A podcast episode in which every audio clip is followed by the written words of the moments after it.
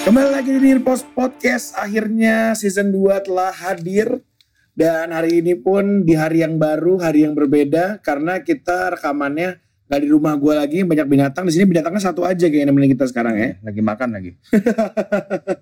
By the way, thank you banget eh, yang udah nemenin kita di season pertama. Insya Allah kita akan menambah improvisasi yang lebih banyak dan juga mengevaluasi beberapa hal yang kurang di season ini. Dan kita bakal banyak banget kolaborasi.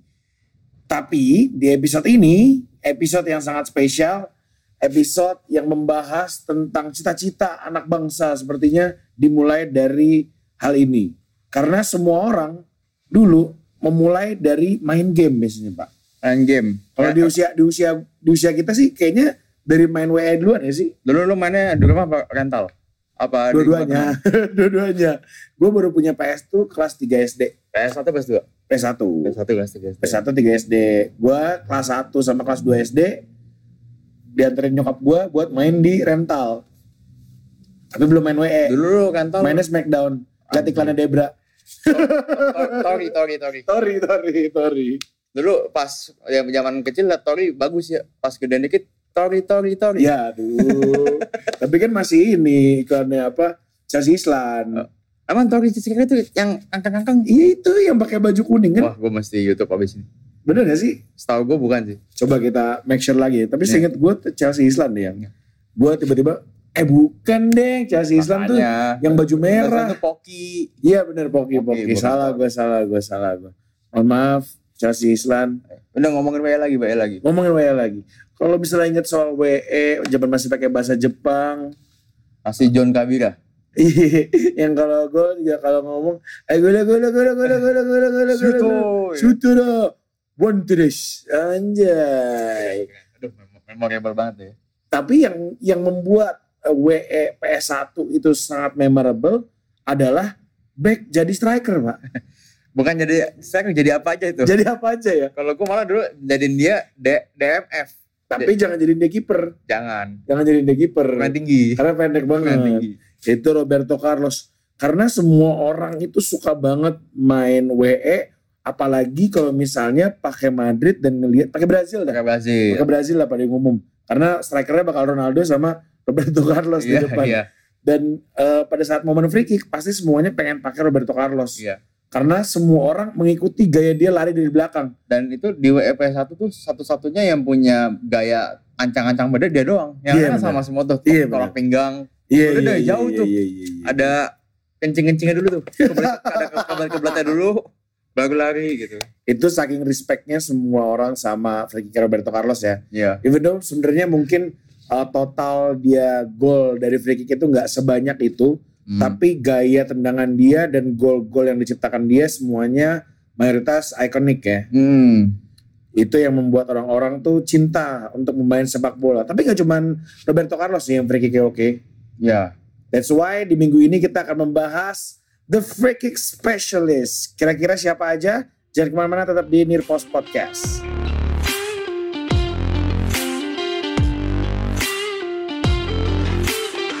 Free Kick Specialist banyak banget yang bisa kita bahas. Gak cuman satu orang, dua orang. Tapi mungkin kita akan menyebutkan beberapa yang memiliki signature dalam free kicknya. Ya. Bahkan sampai menjadi logo sepatu. Aku sepatu. Ya pokoknya yang kalau inget dia, oh ini jago tendangan bebas. Yoi, nih. yoi. Kalau tadi kita sudah membahas sedikit tentang Roberto Carlos, ini adalah pemain kesukaan gua nomor dua dalam hal free kick.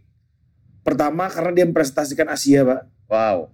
Dan juga gua gua dulu melihat rambutnya David Beckham gue pengen banget. Tapi sejak gue lihat rambutnya Sunsuke Nakamura, gaya shaggy-nya dia yang Ah. kayak yang kayak shaggy banget, tinggal ditemenin Scooby Doo itu nendang jadi Sunsuke Nakamura tuh, Pak. Tapi gaya rambut dia kan diikutin sama anak-anak itu, Jerox. Dan anak Jero Iman, siapa tuh Bima ya.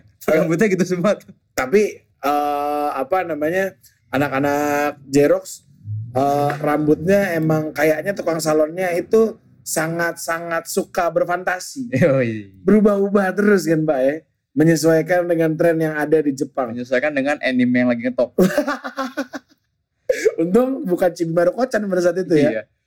Jadi kalau yang lagi ngetop merah merah, oh iya bener. Dragon Ball kuning, One Piece hitam gitu kan. One Piece pakai pakai jerami pak. Oh, pakai juga Iya. Pak Tani no. Dan kalau misalnya kita membahas tentang Suzuki Nakamura dan juga Roberto Carlos, emang mereka ini memiliki signature yang berbeda. Roberto Carlos dengan gaya lari Ancang-ancang jauh ya. eh, satu kilometer dia, dan juga Suzuki Nakamura yang nggak terlalu banyak mengambil ancang-ancang, tapi tendangan free kicknya ini menyaingi David Beckham menurut gua. Iya. Bedanya David Beckham kaki kanan, ini kaki kiri. Dia eh, badannya miring banget kalau pas ngambil tuh. Hmm, Kalau kan ya biasa lah kita anak-anak bocah terus suka, suka ikut-ikutin PS kan. betul. Kita lihat replaynya, uh tendangannya kayak gini ternyata. Gak bisa nggak ngangkat boleh kalau dia sekali ayunnya curling bos. Gue waktu itu sempat ke Jepang ke toko, eh, gue nggak tahu apakah itu official story UEFA Champions League apa enggak. Tapi ada satu jersey yang otentik banget, yaitu jersinya Suzuki Nakamura pas di Celtic. Hmm. Otentik banget kan? Udah timnya Masih Celtic. ada tag gak tuh? Apa apa udah nggak nggak BNWT lagi? Gue nggak merhatiin sih sebenarnya. Tapi yang BNWT mahal banget. tapi kalau itu tuh. ke, mata gue udah tertuju aja ada tanda tangannya Suzuki oh, Nah, Nakamura pertandingan plus bajunya. Heeh. Jadi gue kayak anjay. Siapa yang nggak pengen?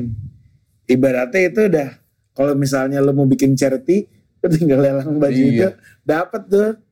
Dan eh, Suzuki Nakamura ini punya satu sejarah yang menurut gue gak bisa dilupain bagi fans The Red Devils, yaitu golnya dia Pas- dua gol, free kick ya kalau nggak salah ya. dua gol satu di Old Trafford satu di Celtic Park itu it- itu uh, sangat waktu itu tuh se MU lagi jago-jagonya Hmm. 2005 2006 Ronaldo lagi mulai mekar terus uh, ya timnya lagi bagus masih ada Sir Alex juga tapi lawan Celtic kesulitan kesulitan uh, di Old Trafford singet singet gue menang cuma 3-2 dan itu Nakamura satu gol free kick Sa- di Celtic Park kalah 1-0 dan itu juga ada Nakamura juga free kicknya dan uh, kalau lo perhatiin itu Berarti yang tuh lolos salah tiket waktu itu kan? wah, enggak waktu itu Kalau grup- misalkan di Celtic Park 1-0, Gitu. enggak waktu itu grup oh masih fase grup kalau ya? nggak salah eh, mereka lolos dua-duanya kok ke grup eh sorry dua itu 2006 2007 bukan 2005 2006 Hmm. terus eh, kalau lu perhatiin itu free kick-nya tuh dua-duanya tuh beda jenis yang satu ke tiang jauh yang tiang dekat yang satu lagi Van der Sar masih reaksi satu lagi diem dan kipernya tuh Van der Sar gitu loh Van der, Van der Sar yang apa namanya eh sukses di Juventus Eh, dan sukses juga jualan pizza ya. di Fulham ya Iya.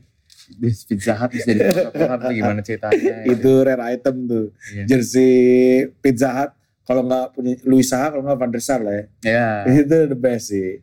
Eh, dan Nakamura juga menurut gua menjadi sensasi di mana-mana eh, karena kita ketahui juga kalau di Asia itu animo orang untuk mena- menyaksikan sepak bola tuh segede itu pada masa Nah, itu Mhm. sehingga mungkin mau- beberapa orang Asia pun merasa ter- terrepresentatif Ya. kan juga kan. padahal kayak- orang Indonesia pun merasa anjing Asia nih Asia Iya, gitu. Iya.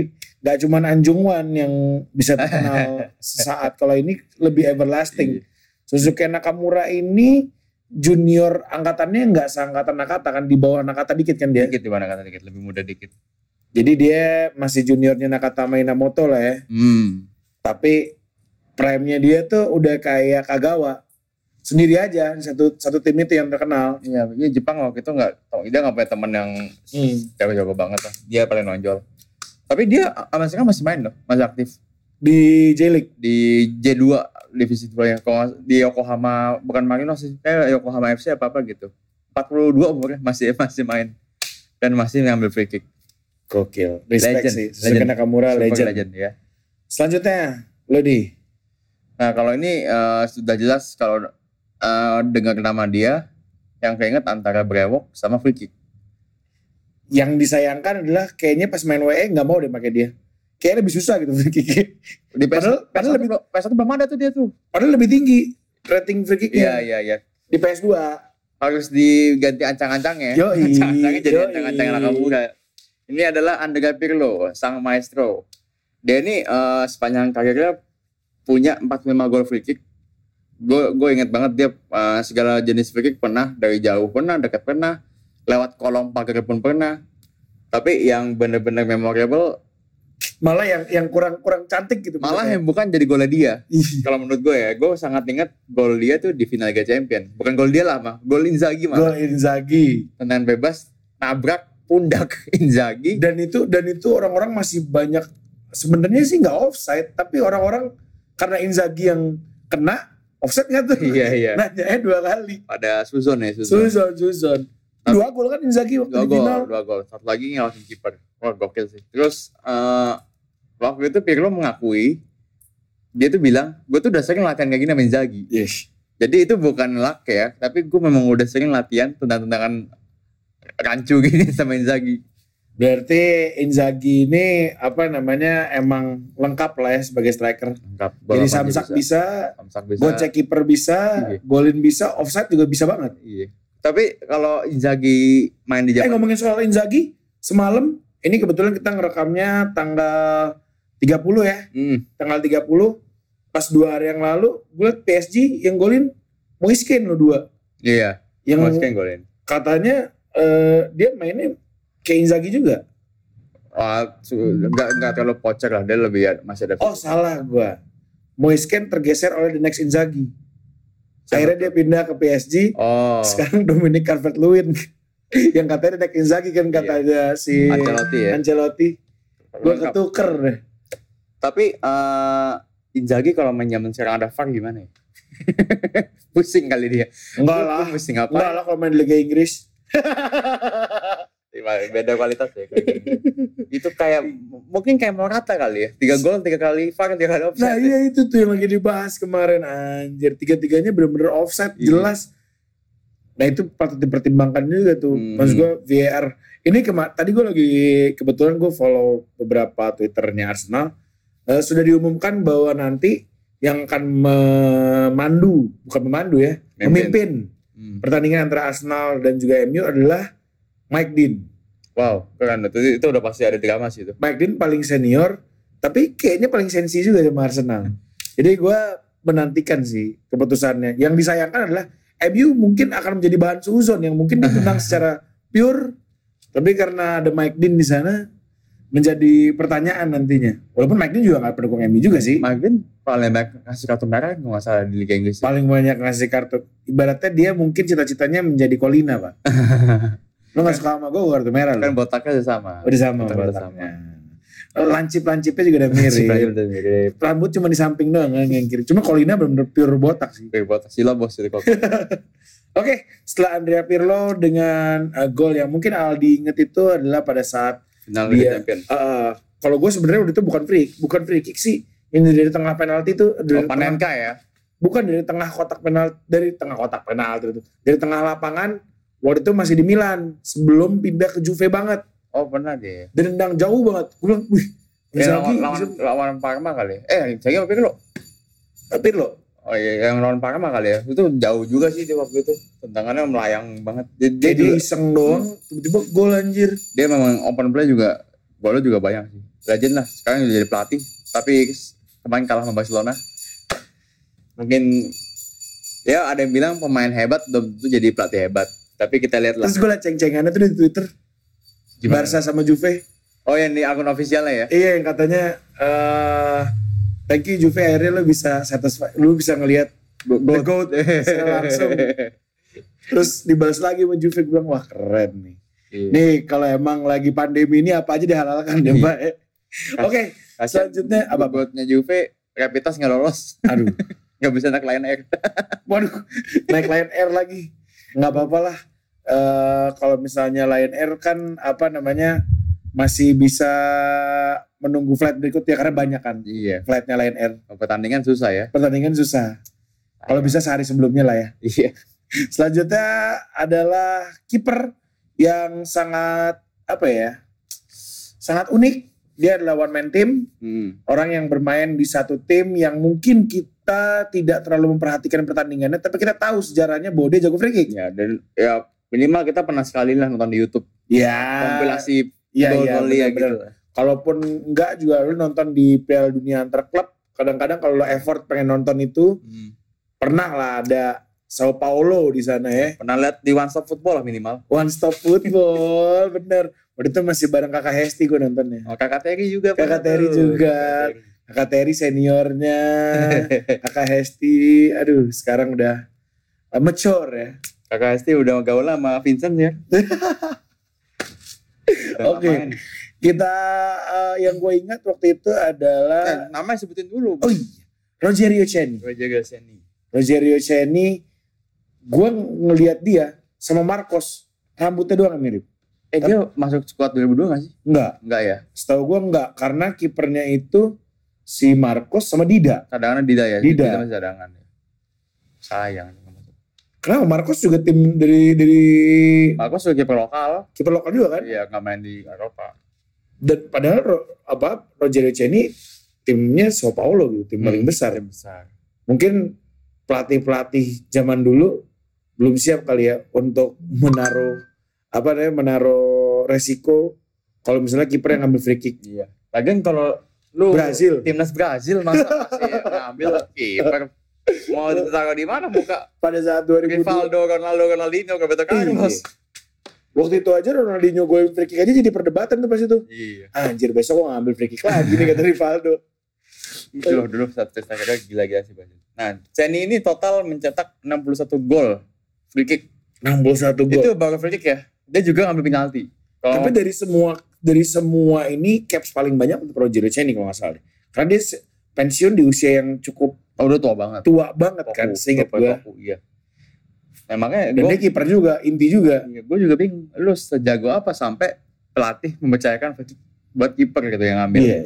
Soalnya lu kena kena pagar sekali, kena counter selesai itu kan. Ini cocok juga ya nanti kita mungkin bakal jadi bahan di eh, Twitter di sosmed kita juga kayaknya ya kalau Hmm. Rogerio Ceni karena menurut gue mungkin di Postmania juga bisa nanti nge-share juga. Lu setuju gak sih kalau di tim lu yang jago free kick adalah kiper lo? Apakah lo akan mengambil resiko? Iya. kalau nggak gol gitu misalnya deh kalau nggak gol nabrak tuh ba- apa eh, kena pagar ya.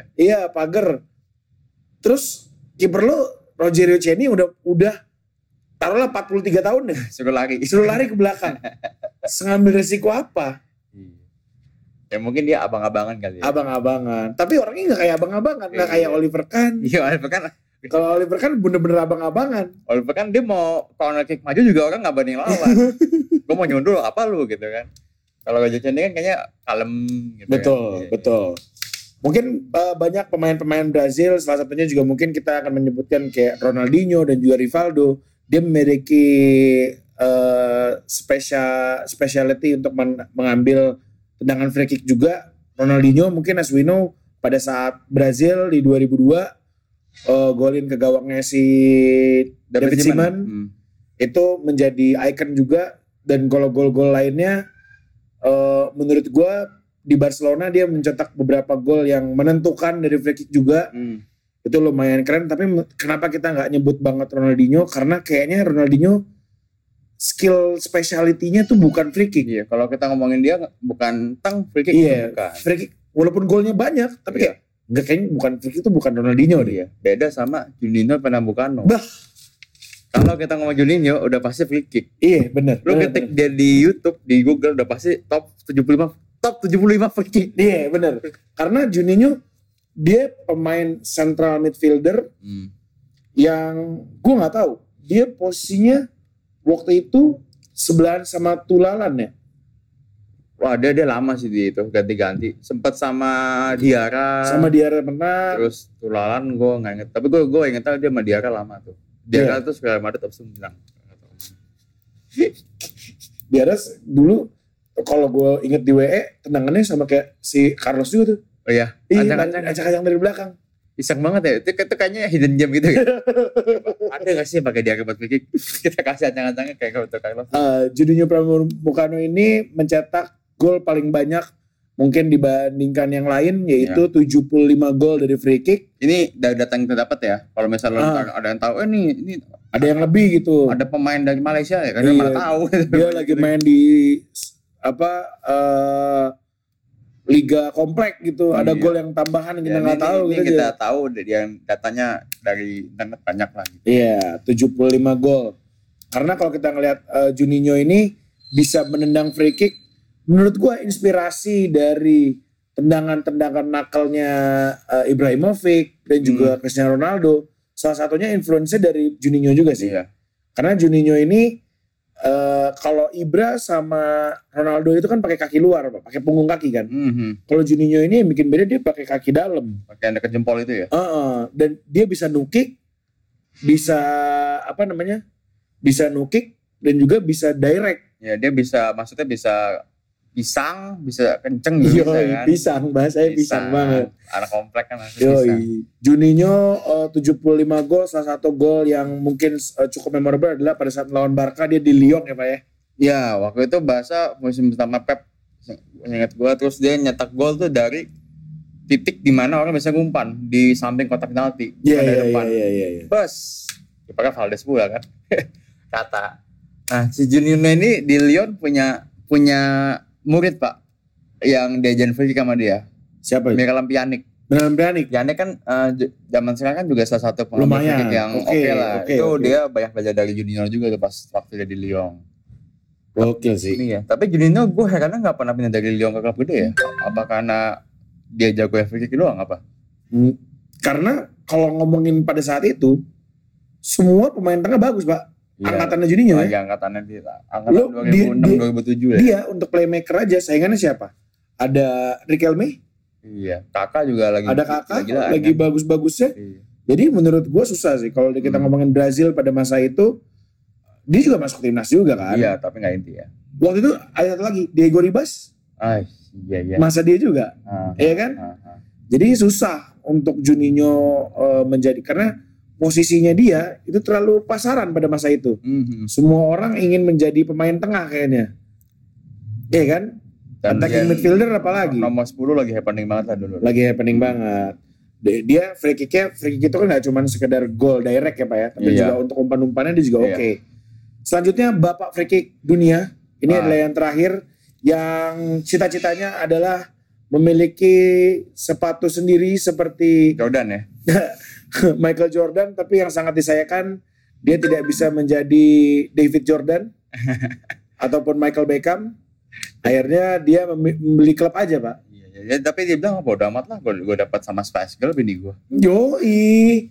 Jadi waktu itu mungkin kalau misalnya lo sempat ingat pada saat David Beckham baru pindah ke Real Madrid, Adidas ini memiliki Ya. ide untuk menjadikan Beckham sebagai duta, sebagai sebuah brand lah ya. sebagai sebuah brand untuk menyaingi pada saat itu mungkin bisa juga dibilang menyaingi Jordan lah ya Rencananya. rencananya untuk menyaingi Jordan padahal Jordan waktu itu udah di Washington Wizards kalau nggak salah deh Hmm.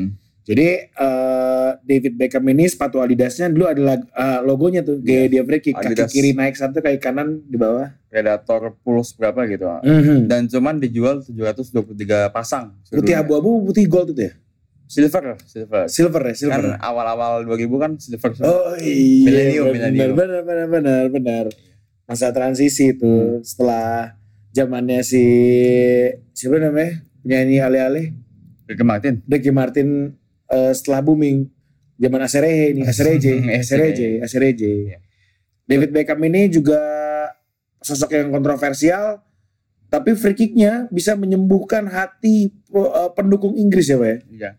Waktu itu yang paling gue inget pas dia kualifikasi Piala Dunia 2002 lawan Yunani menit-menit akhir kalau itu Inggris nggak nyetak gol nggak lolos Yo, Piala Dunia. Tapi bener. Beckham dari 35 meter kalau nggak salah disikat kipernya nggak gerak sama sekali gol dan itu di out cover kalau nggak salah ya. Jadi suasananya euforia banget loh gitu. Dan kalau kalau gua yang gue inget juga dari David Beckham ini nggak cuman sekedar free kick sih. Salah satu lagi yang gue inget banget soal umpannya dia itu loh, Umpan- Ronaldo. umpannya, umpannya gokil. Ya, ya, Gokil ya, sih. yang yang dari, Bisa ngelekuk ke dari dalam gitu kanan ya. Kanan tuh sama Ronaldo tinggal ditolak doang. Dulu tuh di sekolah gue banyak Iya. banget orang yang nendang free kick sampai jatuh-jatuh. Sok-sokan ya. Yoi kakinya sepatunya rata sebelah bang. Pengen banget menang kayak David Beckham. Saking ada- kan. Sebenarnya ada- emang ada- bener sih Adidas itu udah bener banget milih David Beckham sebagai icon. Hmm. Michael Jordan itu kan ikonik ikonnya dia adalah ngedang, Iya, airwalk, Akhirnya- airwalk. airwalk, ngedang man. Hmm.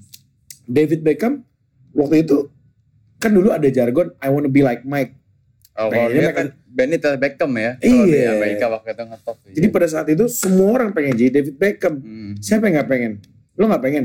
Ganteng, bininya cakep, jago free kick, Iya. duitnya banyak. Kantong sampai sekarang lagi itu gue bingung sih. Lu liat teman-teman se- seangkatan dia deh, udah kayak gimana sih pak bentuknya dia masih ganteng. Luis Vigo masih ganteng lah. Vigo Jeremy Thomas bos. Yo, jangan, Jer- jangan. Jeremy Thomas. Main anaknya Om Jeremy kan Udah, Iya. jangan, jangan, jangan. cantik juga Cantik maksud juga. gua. Berarti like father eh like father like Iya. daughter. Buah jatuh nggak jauh dari pohonnya. Yoi. Gue jelek ini bapak gue jelek dong. Enggak, gue kan. Yang belum bisa kan gue doang.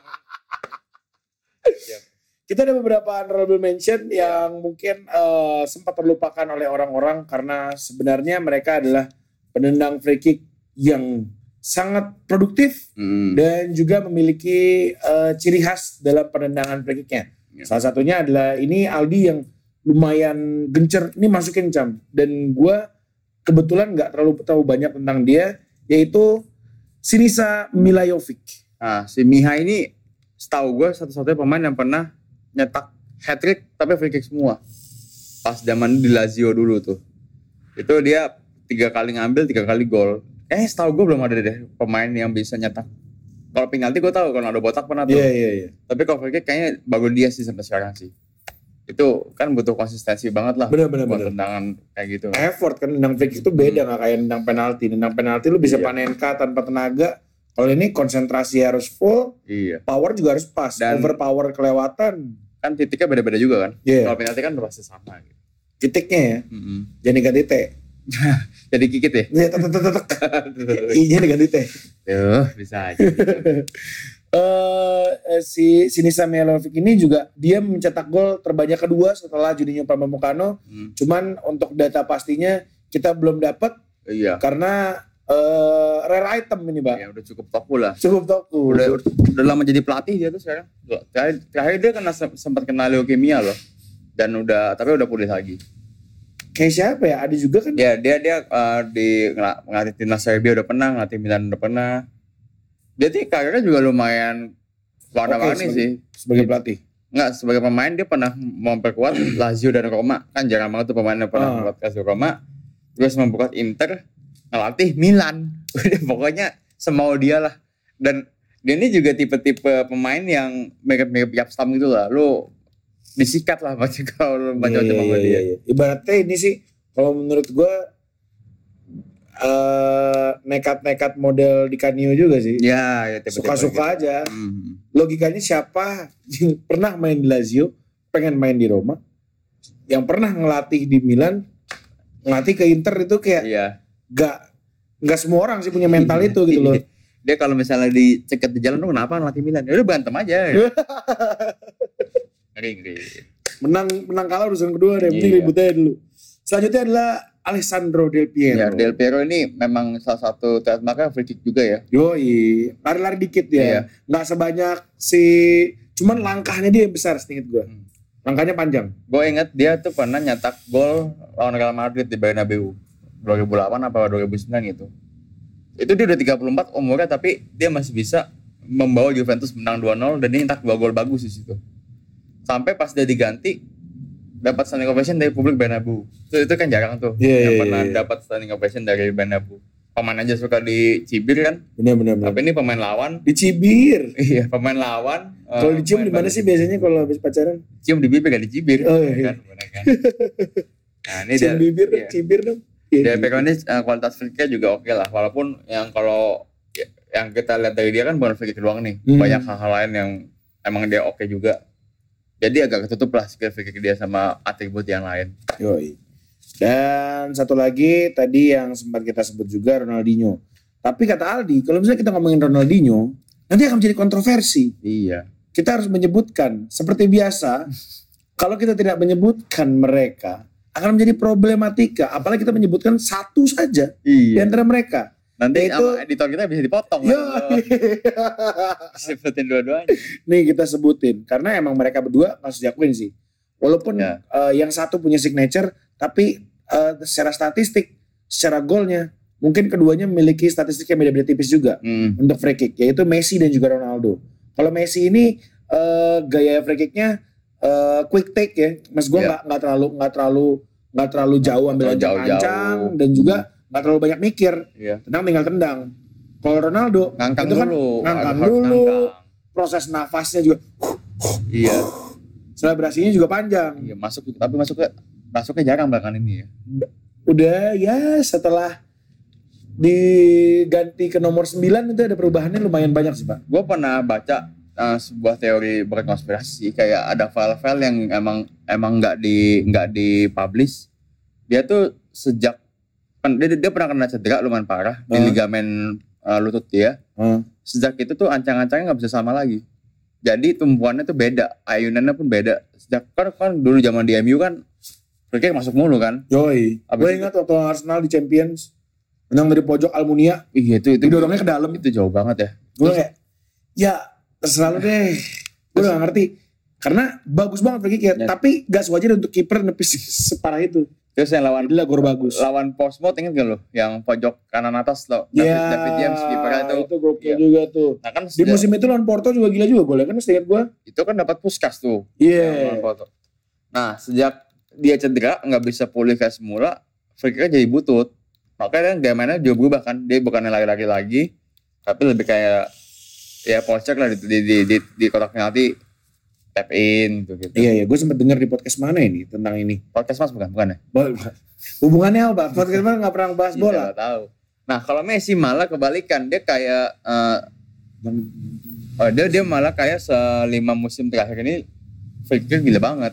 Iya, Kayak satu musim bisa dua digit kali gol gol. malah dari- kebalikan banget dari Iya, Ronaldo ya. Dulu nggak segitunya. Ronaldo dulu Messi jarang banget main kayak Ronaldo eh Hmm. main eh nih gue salah ngomong bahaya nih Messi main kayak Ronaldo tuh bahaya nih. nih Messi bermain seperti Ronaldo dalam arti bermain mem- mengambil banyak free kick Mhm. eh karena apa namanya Messi mungkin sama juga dengan teorinya Ronaldo dia udah udah mengetahui kelemahan dia kalau misalnya dia terlalu banyak dribble terlalu banyak gocek itu akan beresiko untuk kakinya dia Hmm. lebih baik dia uh, meminimalisir dribblenya, perbanyak passing dan per- perbanyak free kick. Akhirnya kan se- dari segala macam lini Messi bisa melakukan semuanya lah. Hmm. Gocek kiper bisa, jadi target man bisa, jadi playmaker bisa, semuanya bisa sih, Komplit dia. komplit. Dia eh gua gua belum nyari sih total gol free kick dia berapa tapi kayaknya sih udah lebih lebih banyak daripada Ronaldo sih kalau free, kalau free kick ya. Hmm. Dan ya kalau belakangan ini ya lebih bagus lah kalau kalau apa konversi dari jumlah dia ngambil berapa golnya berapa dibanding Ronaldo. Benar, benar. tapi dua-duanya oke dua-duanya oke Dua-duanya oke. gue gak pada mihak lah kalau gitu Kita nggak mau mihak siapa-siapa. Kita mihak mihaknya ke aduh mihak Ronaldinho juga salah pasti. mihak ke Alessandro Del Piero kita. Jalan tengah. Eh, salah juga ya. udah Mihak ke kita netral aja netral aja Mihailovic. mihak lo Mihailovic dong. benar gitu. Dia orangnya tidak netral. Eh, dia orangnya netral. Kan Lazio Roma. Hmm. Netral dong, gue tengah-tengah nih. Milan Inter juga Terus ya. Iya. Milan Inter juga tengah-tengah. kita kayak Mihailovic aja, nggak milih siapa-siapa. Gue ada beberapa nama-nama keren yang nggak nggak kita sebut karena kita nggak terlalu banyak ya Robert, Iya. Robert apa Roberto Baggio, Ronald Koeman, eh, Zico mungkin kalau Hmm. misalnya lo main eh, WE Legend kan ada iya atau Zico. atau mungkin usia lu udah 70 kan bisa tuh nonton bola dari dulu kan iya lo nonton Pele gitu kan Ih, kita nggak tahu udah Iya. tuh ya boleh tambahin lah kalau misalnya ada yang tahu lagi wah ini kok nggak masuk nih siapa Nah, Ya ya ya ya ya ya. Tadi gue sempat ngomong sama Aldi. Dulu soalnya gue zaman main eh WE, gue inget Martin Petrov tuh jago. Petrov ya Iya cuman pas gue lihat statnya, kok nggak banyak. Apakah gue yang salah? Cuman karena kita nggak neliti lagi, Hmm. yang yang kita tahu pasti ya ini. Sini Samiovic, Alessandro Del Piero, Ronaldinho, Messi dan juga Ronaldo itu masukkan honorable mention kita. Tapi kalau yang dihitung legend itu David Beckham, Suzuki Nakamura, Alessandro Del Piero, Juninho, Rogerio Ceni dan juga Roberto Carlos si Gareth Bale juga banyak ya free kick ya cuman banyak dia lebih demen iron stick golf sih dibandingin yang bebas ya jargonnya apa Wales golf Madrid yo kalau Tottenham nggak tahu tuh ikutannya gimana dia sekarang Tottenham sekarang urutannya eh, nggak dimasukin urutan karena Iya. sudah di hati jadi nggak perlu disebutin mungkin ya Gila, politikus banget ya Bale. politikus main aman aja omongannya paling itu dulu yang kita bahas di eh, episode kali ini minggu depan kita akan melakukan eh, kolaborasi Hmm. Gak cuma minggu depan sih. Selama season ini kita akan Ya, banyak kita melakukan banyak- ko- banyak eh, collab. apa namanya kolaborasi. Kalau emang lo ingin memberi mem- memasukkan apa namanya saran buat kita apa yang akan kita bahas ataupun buat lo yang memiliki apa namanya terlalu banyak ide Lu bisa juga submit ke kita, Iya. tinggal di email aja ke kita di mana di? nilpos the nilpos titik id at gmail.com benirpost.id at gmail.com atau lo bisa kontekan dulu sama kita di sosial ya media kita, dm juga bisa kita di cek. DM uh, Instagram ataupun DM di Twitter Hmm, langsung aja mau berantem jangan mau debat boleh iya boleh boleh Yoi kan siap kalau gitu di episode kali ini itu dulu semoga minggu depan kita bisa lebih baik lagi sorry kalau masih banyak kurangan tapi minggu depan gue jamin akan ada yang beda di Nirpos mantap gue Icam Goldi kita dari Adi Hai oh Yeah.